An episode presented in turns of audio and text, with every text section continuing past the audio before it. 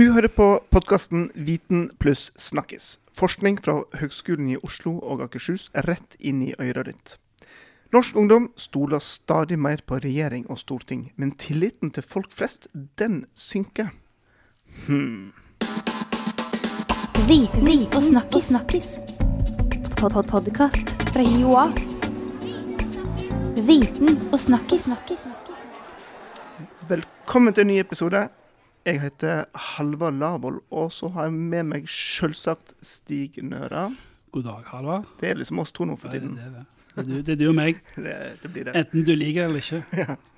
Det skal ikke vi snakke om nå, Stig. Nei, ok, greit. Du, det er du som har invitert med gjest i dag. Ja. I dag har vi invitert med Guro Ødegaard. Velkommen, Guro. Tusen takk. Guro hun er forskningsleder ved NOVA her på høyskolen. Og Guro, du forsker på ungdom. Mm. Hvorfor begynte du med det? Ja, du, jeg har egentlig alltid syntes at ungdom har, vært veldig en bra gjeng, da. Ja. Og jeg syns at Vi er enige om det. Ja. eh, det er og, det, og det er jo blitt bedre enn når jeg var ung, for å si det sånn. Men det er jo et eller annet med dette her, eh, det som skjer i denne ungdom, eh, ungdomsfasen. Denne overgangen fra barndom og før du går inn i voksentilværelsen. Hva er det som kjennetegner den generasjonen? Og kanskje jeg var jo sjøl litt sånn aktiv i frivillige organisasjoner så når jeg var ung, og også særlig dette her som denne her eh, eh, snakkisen skal handle om, da. Nettopp dette her med deltakelse og, og sånne ting. Ja. Og blei nok fanga i denne her. Jeg, jeg, jeg var jo sjøl ungdom på 80-tallet og ung voksen på 90-tallet. Og Mm. da var jo det en sånn 80-tallet var jo en forebyggingsepoke. Og det husker jeg at jeg irriterte meg veldig, for at vi skulle jo forebygges mot det aller, aller meste. Ja, ja. Idrett mot rus, rock mot rus. Alt skulle være mot rus. og det kjente provoserte meg, som var litt sånn eh, Ønsket å si noe i lokalsamfunnet, ha en betydning. Så når at jeg, øh, øh, når at jeg øh, oppdaga ungdomsforskningsmiljøet på NOVA, så fascinerte det meg veldig. Og etter hvert så klarte jeg å karre meg inn der som Vittas, og etter hvert som stipendiat, og nå som forskningsleder. Så bra. Spennende. Og dere er ute med en ny rapport Ja. om ungdom. Ja.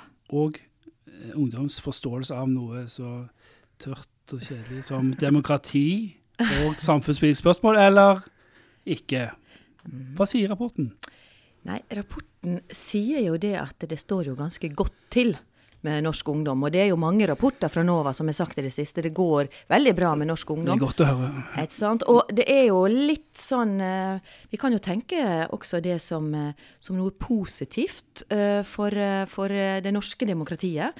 At vi har veldig aktive mm. ungdommer. Vi har ungdommer som ser for seg at de skal være aktive medborgere når de blir voksne. De har De verdsetter sånne medborgerdyder. Um, og Yes. de eh, har, som du eh, som innledninga her eh, sa, høy tillit til politiske institusjoner. Og så er jo det slik da at dette her er gode, dette er gode ting. Og vi kan tolke dette, denne tilpasninga som kjennetegner denne ungdomsgenerasjonen, denne tilpasninga til så å si en sånn voksenliv, da, eh, som noe positivt. Og tilpasninga til demokrati. Så sant det også er uh, ungdommer som også er i stand til å mobilisere en motstand mot politiske makthavere, når det er nødvendig for det. Men hva har skjedd siden eh, 80-tallet, siden ungdom er blitt så skikkelig ordentlig opptatt av viktige, seriøse ting som demokrati og samfunns... Ja. Eller, eller bare Ja. Nei, altså, det som, det som vi i ungdomsforskning og sosiologien har vært opptatt av, er jo dette her at det, enhver ungdomsgenerasjon formes av den tidsperioden de vokser opp i. Politiske, sosiale og kulturelle eh, strømninger påvirker. Det er jo derfor, når 68-eren er blitt liksom idealet på liksom, den engasjerte? Det var de som på mange måter sto på barrikadene, og det er de som gjorde det bra. Så var jo det et rasjonale i dette, for det gjorde et opprør mot foreldregenerasjonen, mot de verdier og tradisjoner som var fastlåste, som hindra kvinner å gå ut i yrkeslivet, som var veldig sånn sementerte verdimønster. Eh, men verdimønsteret er jo ikke så sementert i dag. Og det vi også ser, er jo det at eh, mens en på 60-, og 70- og til dels 80-tallet kunne liksom gi litt blaffen i videregående utdanning og reise til sjøs som skoletrøtt eh, 16-åring, så kan ikke en gjøre det i dag. En må gjennom dette utdanningsløpet. Hvis ikke, så er det marginalisering og det er naving, og det som er resultatet. Derfor er jo denne tilpasninga som jeg snakka om, en type sånn framtidsdisiplinering. Eh, rasjonelt på et vis. Fordi at det skal unge få innflytelse eh, i dag, så er det å bruke de tradisjonelle politiske kanalene. På 60-tallet så måtte de bryte ut av det. De måtte ty til gatene. De måtte liksom opponere for å bli hørt. Og de var mange nok til å gjøre det også. ikke sant? Det var babyboomers-generasjonen. Så, um, så det er jo liksom et annet form da, for et engasjement. Men hvem har skyld holdt å si, for at ungdom er så, blir så flinke og kan så mye om demokrati? Er det skole, eller er det foreldre? For det ser ut som mediene òg ikke lenger har den samme innflytelse på eller, på, Ja, alle skylder på Donald Trump, så, så vi kan kanskje Nei, men det er klart at det, jeg tror nok at skolen har en viktig det, Og det viser denne her internasjonale studien. For det er viktig å si, dette er jo en internasjonal civic and citizenship education study. Dette her er 24 land som har vært med i den, og vi sammenligner Norge eh, med, med de andre landene, og særlig de nordiske landene. Og det er klart at norske elever kan mer. Altså de svarer på kunnskapsspørsmålene riktigere enn hva en gjorde i 2009 f.eks. Ja. Så de kan mer. Så det er helt klart at det skolen har styrka seg som en sånn demokratiforberedende arena. Det er det ene. Og så det andre som vi ser har, eh, har styrka seg, er jo denne primærsosialiseringa.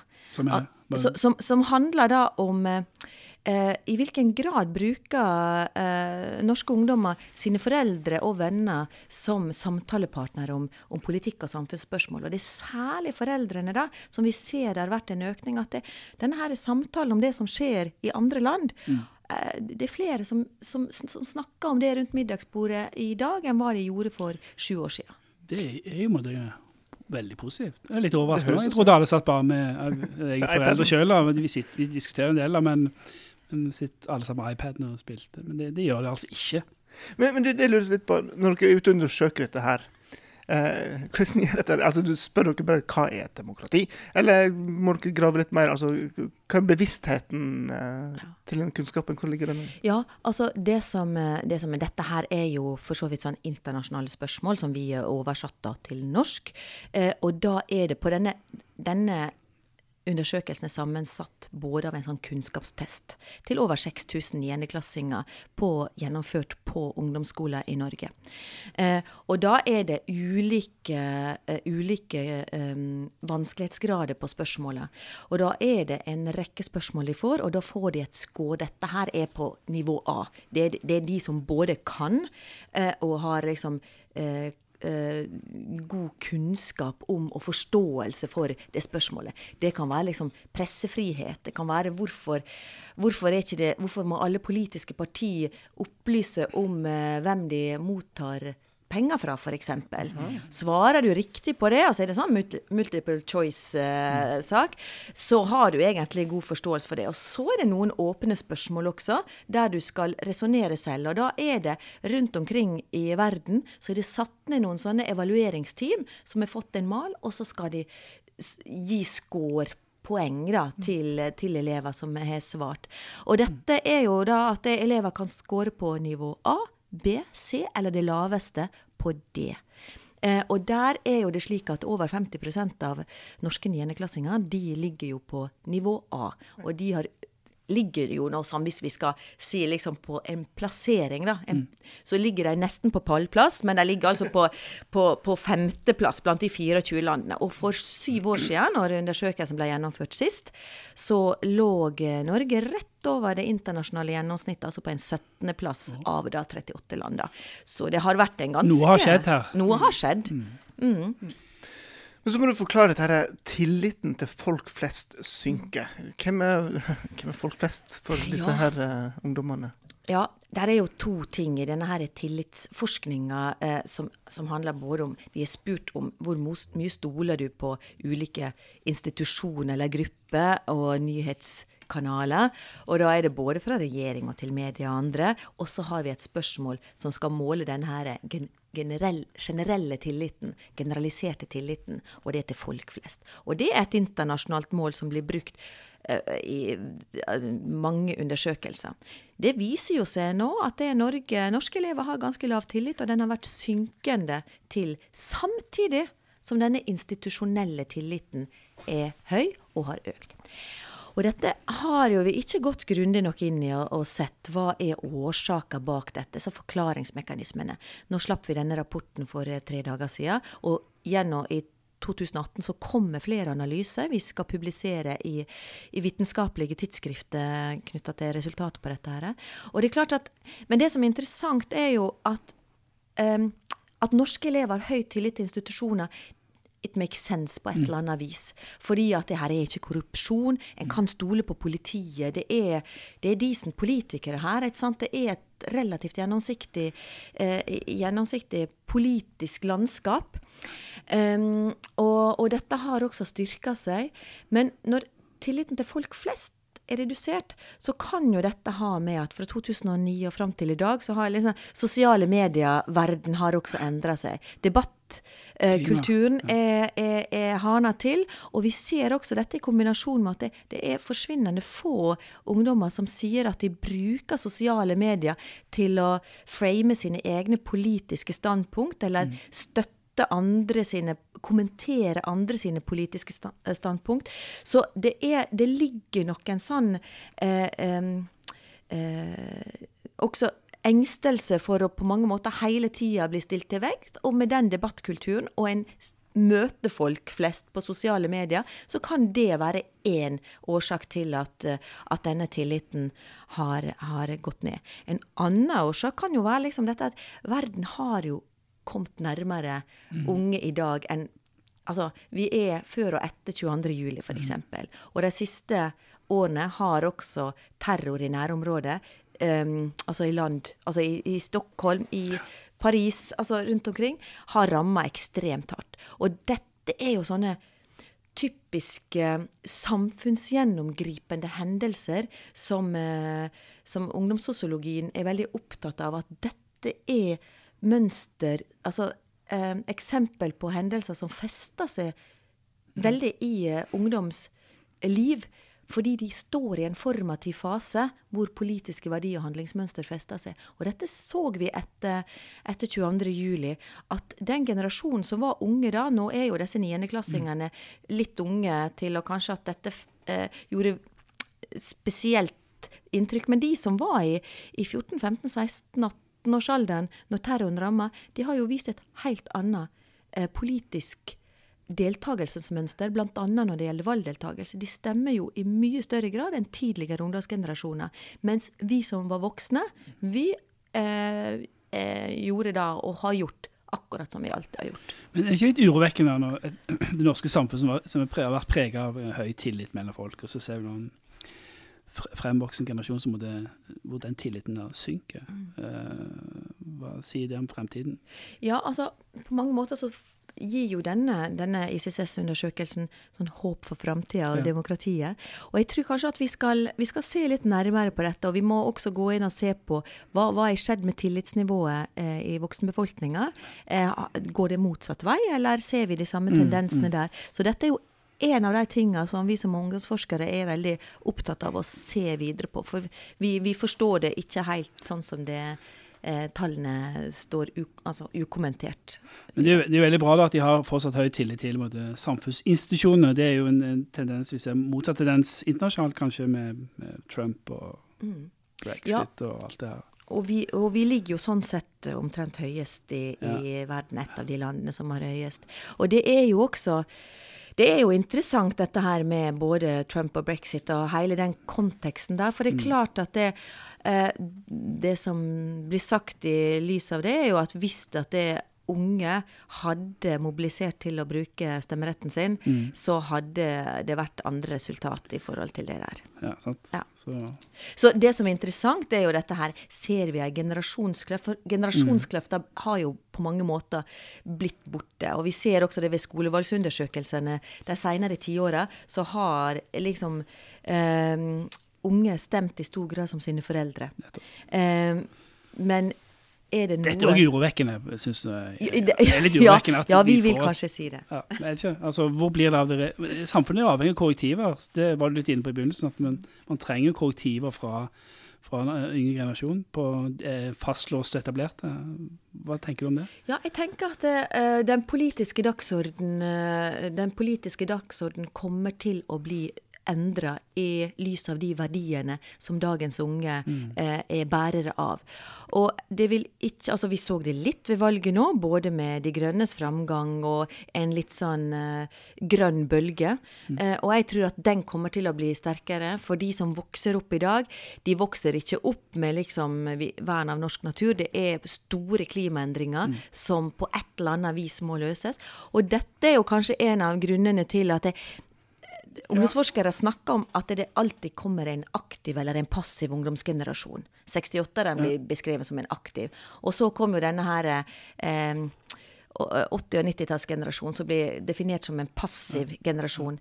Og denne her millenniumsgenerasjonen nå blir jo betrakta som the new great generation, som har liksom i seg denne muligheten til å skulle redde verden på et vis. Men de bruker da de parlamentariske kanalene, de politiske institusjonene. Og de går jo i gatene. Altså, I, i, men ingen revolusjon. De stoler på institusjoner. De, de, Ja. Hvis de fortsetter den trenden her, så vil de De overtar vel institusjonen. Det er Ja. vel det de ser. Ja, Vi overtar de etter hvert. Og vi kommer oss inn på Stortinget. Ja.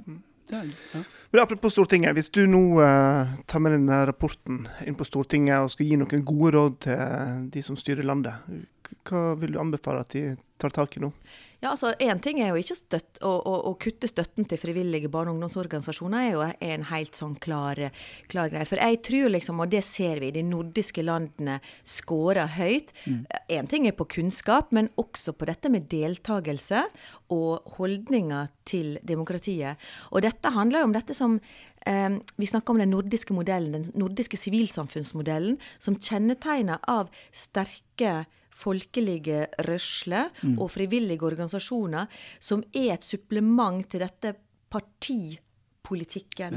Ved at organisasjoner har en kanal inn, og sterke interesseorganisasjoner som kan være med å påvirke. Barne- og ungdomsfeltet er ganske stort i de nordiske landene, som institusjonalisert. Og igjen denne institusjonaliseringa. Og dette er viktige kanaler både for opplæring i et sånt internt demokrati. Altså, det er sikkert mange av lytterne her som har vært kasserer og hatt, uh, hatt regnskapet til en lokal forening under senga si, ikke sant? og som har styrt ordet på et eller annet lagsmøte. Altså, dette er viktig kunnskap i forhold til dette dem representative demokratiet. Og dette er også viktige eh, fellesskap, både sosiale fellesskap, men også meningsdannende fellesskap for barn og unge. Og så ser jeg at vi er fortsatt veldig gode på elevdemokrati. Var du tillitsmann på skolen?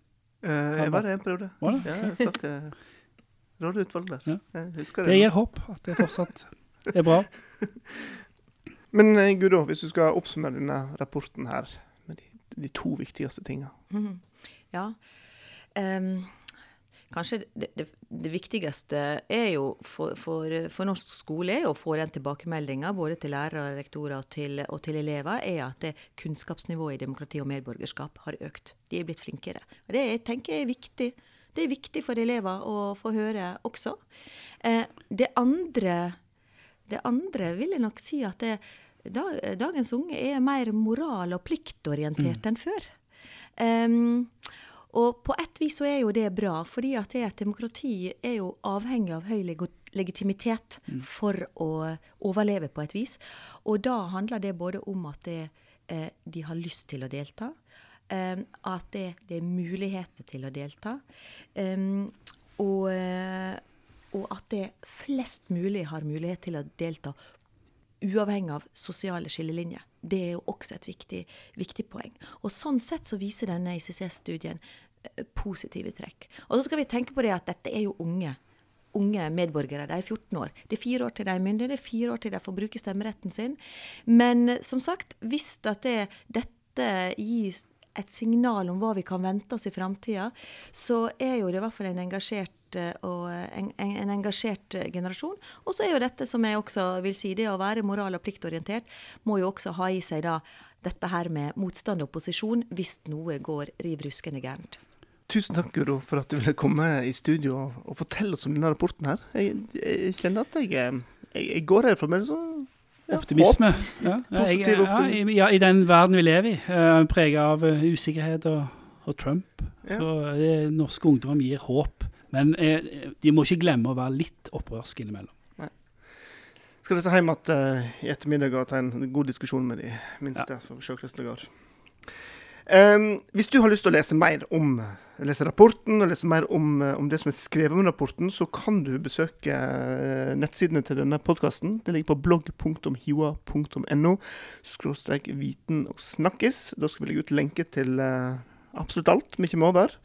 Eh, Så da kan du lese og bli enda klokere. Det har vært en del medieoppslag som vi skal ta og lenke opp, så da eh, får du enda flere perspektiv på dette her. Og så vil jeg bare tipse om at vi har ei Facebook-gruppe for denne podkasten her. Der kan du òg stille spørsmål og kommentere dagens episode hvis du vil det. Så da stikker du på Facebook og søker opp podkasten Viten pluss snakkes. Skal vi ta helg snart? Yes. Ha det, Ha det bra. Viten og snakkis. snakkis. Pod -pod Podkast fra Joa. Viten og snakkis. snakkis.